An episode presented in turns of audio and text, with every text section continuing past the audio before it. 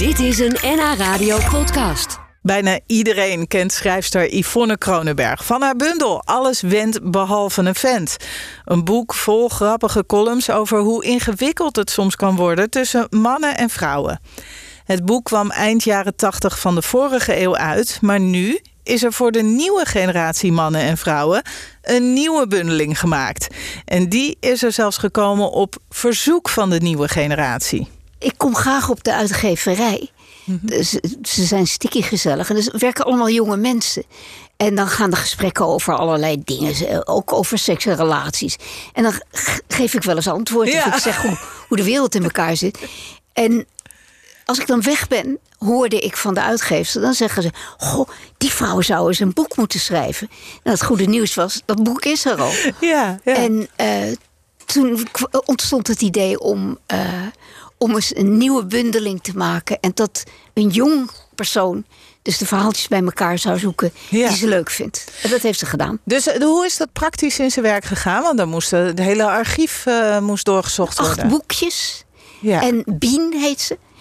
De stagiaire die heeft ze allemaal gelezen en aangekruist small, medium en large. Wat ze leuk vond, Oh. wat ze matig vond en wat, ze- wat ze niet snapte. Waren er dingen die ze matig vond? Nou ja, weet je, de, eh, Het minst leuk. het minst Op een eh, schaal of minder van, eh, leuk. ja, ja. Ik, ik ben, eh, de categorieën heb ik verzonnen hoor. Zij was heel erg lief voor mij. Ja, ja. En nou ja, je had natuurlijk genoeg. Er kwam genoeg Ja. wat, wat leuk genoeg was. Ja. Maar ik vraag me wel af, is dat als nu een jonger iemand eh, zo'n boek gaat lezen, valt je dan iets op dat ze een bepaalde voorkeur heeft in deze tijd? er zijn een heleboel dingen anders- die niet meer bestaan. Eh, contactadvertenties, die In de bestaan niet meer. hè? Heer Weet je nog, dame, van ja. een goed glas wijn bij het haardvuur... Ja. en dan zijn literaire belezenheid eh, bezingen. Het bestaat helemaal, terwijl die in feite alleen maar... eh, ergens eh, een vriendin wil op een plek waar die zijn auto kwijt kan. Ja, uiteindelijk wel. Ja. Ja, maar dat bestaat allemaal niet meer. Nu heb je alleen maar beeldjes. Je zit op een datingsite, je stuurt een foto van jezelf naast eh, een, een, een zeilschip. Ja. En dan denkt degene die aan het swipen is van, oh, een zeilboot. Ja. En die Quibus hoort er misschien wel bij. Terwijl alle mannen volgens mij op zo'n site een foto van zichzelf of met een wielrenfiets of met een vis zetten. Ik weet niet wat het is. Een vis? Maar, ja, mannen erg. zijn heel trots dat ze vissen vangen. Alsof er een vrouw is die denkt: oh, nou, dat is mijn man. Die vangt een grote vis. Dus misschien toch nog van vroeger. Sorry, ik dwaal af. We zijn bij de Neandertalers en daar komen we Ja, nooit weg. We hebben toch die, dat eten nodig. Hè? Ze moeten toch het eten vangen. Ja. Nee, maar zijn er dingen die wel universeel eh, zijn, blijken dan? Dat je denkt van, ach, Ja. zijn al die jaren overheen gegaan. Ja. Maar mannen en vrouwen blijven nog steeds... eh, De, het gepruts blijft hetzelfde. En eh, dat heeft ook te maken dat als je verliefd op iemand bent. En kijk, als je zomaar een, een, een avondje meegaat met iemand of iemand uitkiest om mee te vrijen, dan, eh, dan doet het er niet zo verschrikkelijk toe of het lukt. Dan denk je, nou, de een valt tegen, de ander Ja. valt niet tegen. Ja. Maar als je werkelijk verliefd op iemand bent, dan ben je gewoon niet op je best. Dan ben je verlegen. En van de zenuwen denk je, nou laten we maar door de verplichte figuren gaan, razendsnel. en eh, mannen zijn ook verlegen. En vrouwen houden stijve mond dicht als ze verlegen zijn. Die gaan echt niet zeggen, ietsje hoger, ietsje zachter. Eh, moet hij eruit of zo? ondanks dat we dat blijven zeggen... dat vrouwen dat zouden moeten blijven Ja, zeggen... doen ik ze dat nog Dat verandert niet. Hè? Ik zou het ook Nee, niet zeggen. nee. Ik bedoel, dit- het- het- je bent geen kookboek. Kom op. Nou, jij bent heel lang psycholoog geweest. Ik denk dat je dat ook altijd blijft. Dat ja, je dat, was je er niet af Nee, de dat, is, eh, dat blijft wel zitten. Ehm, eh, verandert jouw kijk wel? Want je wordt natuurlijk alleen maar wijzer. Ik word vooral ouder. Ehm, ja, ja, ik ben. de- toen ik het teruglas, die verhaaltjes, toen Ja. dacht ik. Nou, nou, zo boos hoeft nou ook weer niet. ik, ik ben wat, wat, wat makkelijker. Terwijl het leuke en ook het tekenende aan jouw werk is dat je altijd relativeert. Ja, Want eh, liefde en seks, het kunnen drama's zijn in, eh, in het leven En dan van mislukt mensen. het maar een keer. Ja, ja maar dat wat relativeren, dacht dat je is dat, nog altijd... dat eh, iedereen in bed een medaille verdient? Echt niet hoor. Nee, nee. En zelfs, ja, zelfs mannen of vrouwen. Kijk, er zijn vrouwen, als je naar ze kijkt, dan hebben ze al een orgasme, maar dat zijn er maar weinig. 80% van de vrouwen moet je een beetje aan prutsen. Dat vinden mannen natuurlijk. Iedere vrouw is net een beetje anders. En eh, als het dan oorverdovend stil blijft, dan worden ze echt heel zenuwachtig. Ja. Dat begrijp ik best. Ja. Dus je moet geruststellend zijn. En dat, daar heb je geen zin in. Want je denkt, eh, ik ben je moeder niet. Al die, eh, al die wijze lessen staan, staan hier ook weer in. Zit er iets bij waarvan je dacht van nou dat ze dat heeft uitgekozen? Dat ze de stagiaire van de uitgeverij dacht van nee, maar die ik had er het wel meer in. over het hele boek. Dat we, toen ze zeiden, we willen graag dat opnieuw uitgeven. Ja. Toen dacht ik, nou, zullen we dat nou wel doen? Ik, maar ze, zij was zeker. En, en, Ja. en dan ga ik natuurlijk erin mee. Ik ben heel vereerd. maar eh, nee, want de, de- soms vind ik mezelf wel een beetje... Vond ik mezelf wel een beetje flauw. Maar dat heb ik kunnen bijschaven. De, sommige flauwe zinnetjes kon je er gewoon uitvissen. Ja, wat is er dan flauw? Nou, dan ben ik net iets te nadrukkelijk. Ah ja. Maar dat, is, een- juist mooi. Dat is juist, dat is juist leuk dat het naar die kant af en toe een beetje doorslaat. Nou, je, het, je, het kan allemaal net even rustiger en dan is het effect toch hetzelfde. Maar heb je dan ook in de verhalen zelf nog eh, dat, dat nog een beetje bijgesteld? Ja, ja, ja. ja. Nou, er is een, een van de verhaaltjes begint, begon met... Mhm. alle mannen hebben een pik. Dat hoort zo. Ja. Toch schijnt het maar moeilijk te wennen. Ha, ha, ha. Maar ik werd eerst gecorrigeerd op alle mannen hebben een pik.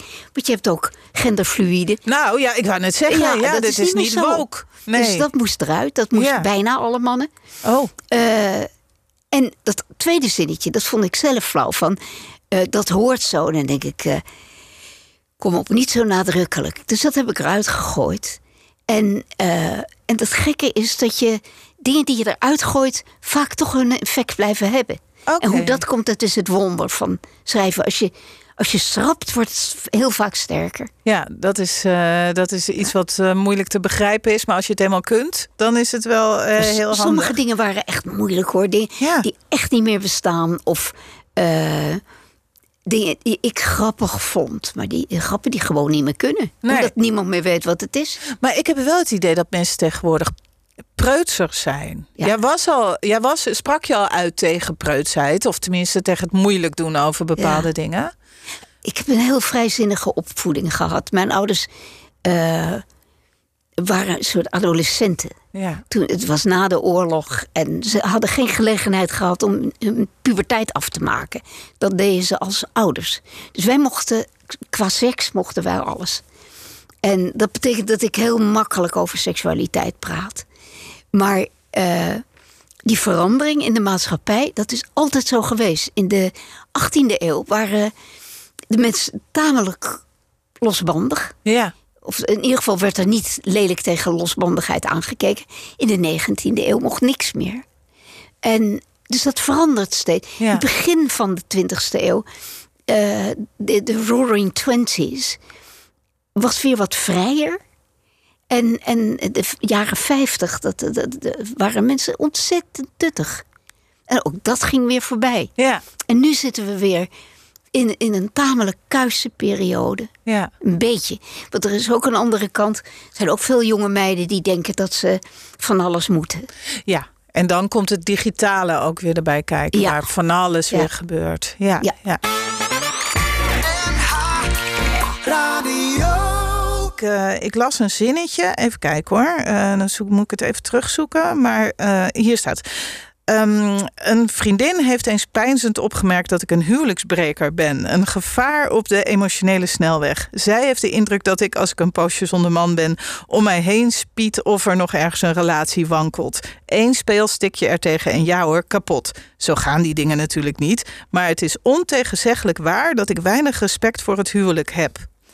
Je hoort er ook zelden iets leuks over.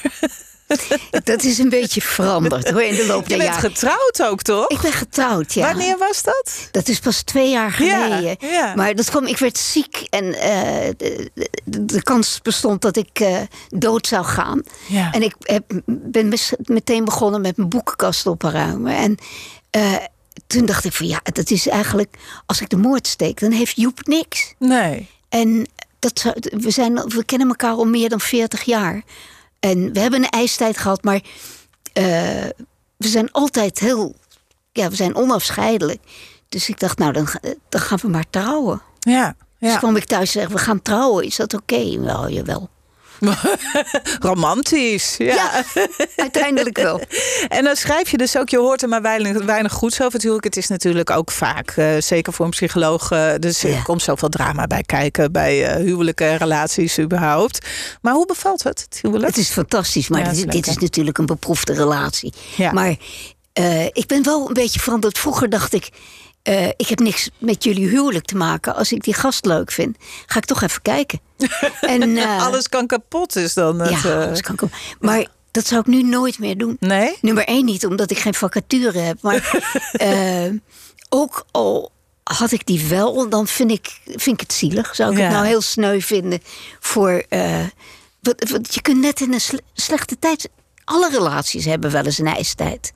En alles kan kapot. Ja. En je kunt ook kijken, even afwachten. Op het moment dat kinderen in de tienerleeftijd zitten... en eh, de ouders in de overgang dan... Pen, eh, eh, penopauze, of hoe heet dat? Ja. En, en in de carrière wordt het wat slapper, wat, Ja. wat minder florissant. Dan zijn mensen heel gevoelig voor, voor andere invloeden. En het is, als je het even uitzit, kan het ook weer heel gezellig worden. Hoe was het dan om dit terug te lezen? Want hier eh, heb je soms wel een pleidooi voor ik dacht, vreemdgaan. En, Ik eh, laat het lekker staan. ja, nee, gelijk heb je. Wat geeft dat nou? Het leest ook zo lekker. Weet je, ik, ik hoef geen tien op mijn rapport voor mijn eh, morele ho- hoog. mijn hoge moraal. Dat Nee. vind ik eigenlijk flauwekul. Ik heb het destijds opgeschreven en toen meende ik het. Het is niet verjaard. Alleen dat ik er nu een beetje anders over denk, dat, dat maakt toch niks uit. Hoe lang is het geleden dat iedereen alles went behalve een vent kocht? Eh, in de jaren negentig In de dat jaren wa- 90. waren de hoogtijdagen. Ja, ik, dus, ben, ik, ben, eh, ik werkte destijds voor Playboy. En dat was in de halverwege de jaren tachtig. En toen na twee jaar hebben we de eerste bundel gemaakt. En na- nog na twee jaar ont- had je alles went behalve een fan. Ja, ja, maar heb je. Hoe is het voor jou om te weten dat jij een van. Nou, dat je de. Ik wil zeggen, een van de beste schrijvers bent. Dat na al die jaren. iedereen dit nog steeds zo graag leest. Joh, daar denk ik nooit over na. Nou, dan vertel ik het je nu even. Eh, dat, dat komt. Ik, in, in de tijd dat ik, dat ik heel, eh, heel beroemd was, ja. werkte ik heel hard. Nam ik al het werk aan wat er maar was. Dus ik had deadlines.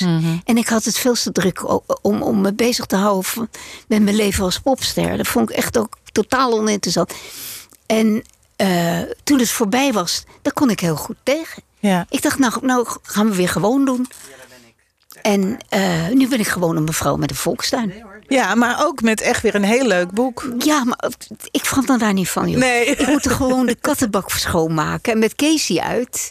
Ja, inderdaad. Maar ja, wel weer even aangeschoven. En ik ben er heel blij mee. Ik vond- ik vind het erg leuk dat het, er, eh, dat het er is in een nieuwe uitgave. En leuk dat je er was, Yvonne Kronenberg. Ik ben heel vereerd dat ik hier mocht zijn. Nou, kijk eens, wij allebei blij. Dit was een NH Radio podcast. Voor meer, ga naar nhradio.nl. Radio.